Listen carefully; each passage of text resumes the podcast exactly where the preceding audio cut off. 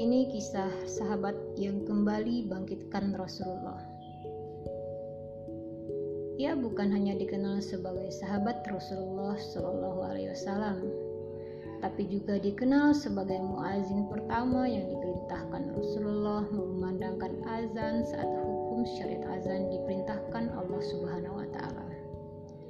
Ketika Rasulullah meninggal dunia, Sayyidina Bilal bin Rabah merupakan salah satu sahabat yang sangat bersedih karena kecintaannya yang sangat mendalam.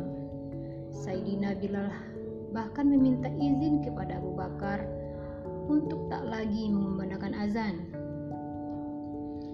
Buya Yahya dalam sebuah kesempatan menyampaikan, Sayyidina Bilal bin Rabah suatu ketika mendatangi Abu Bakar As-Siddiq setelah Rasulullah wafat.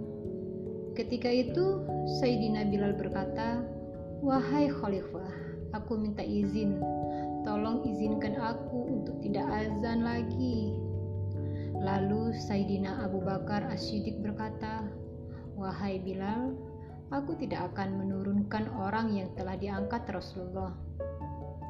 Sayyidina Bilal kembali mengulangi kalimatnya dan meminta tolong diizinkan agar tak lagi azan. Lalu Sayyidina Abu Bakar dengan tegas menjawab, "Tidak, kecuali jika Bilal bin Rabah memiliki alasan." Kemudian Bilal bin Rabah menyampaikan alasan itu dengan berderai air mata.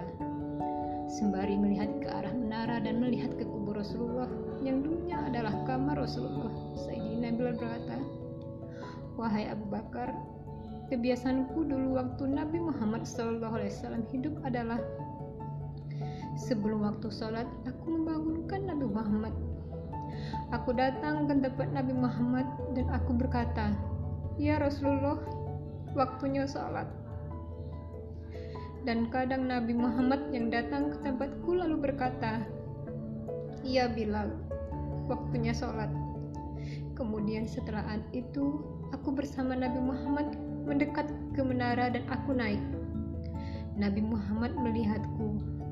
Lalu aku menghadap ke kiblat. Sebelum azan aku menoleh kepada Nabi Muhammad yang di tempat itu. Kemudian aku melakukan azan dan setelah itu aku turun disambut Rasulullah.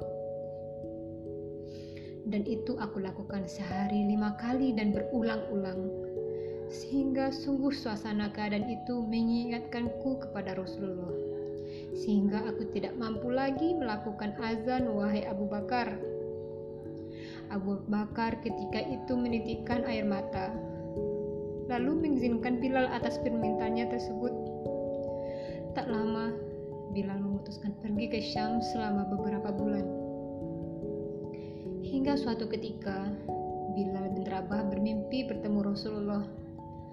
Dalam mimpi itu Rasulullah menegur Bilal dengan berkata, Wahai Bilal, alangkah kerasnya hatimu. Lama kau tak berkunjung kepadaku, wahai Bilal. Saat itu Bilal terbangun dan menangis dengan keras dan sejadi-jadinya serta membuat keluarganya ketakutan.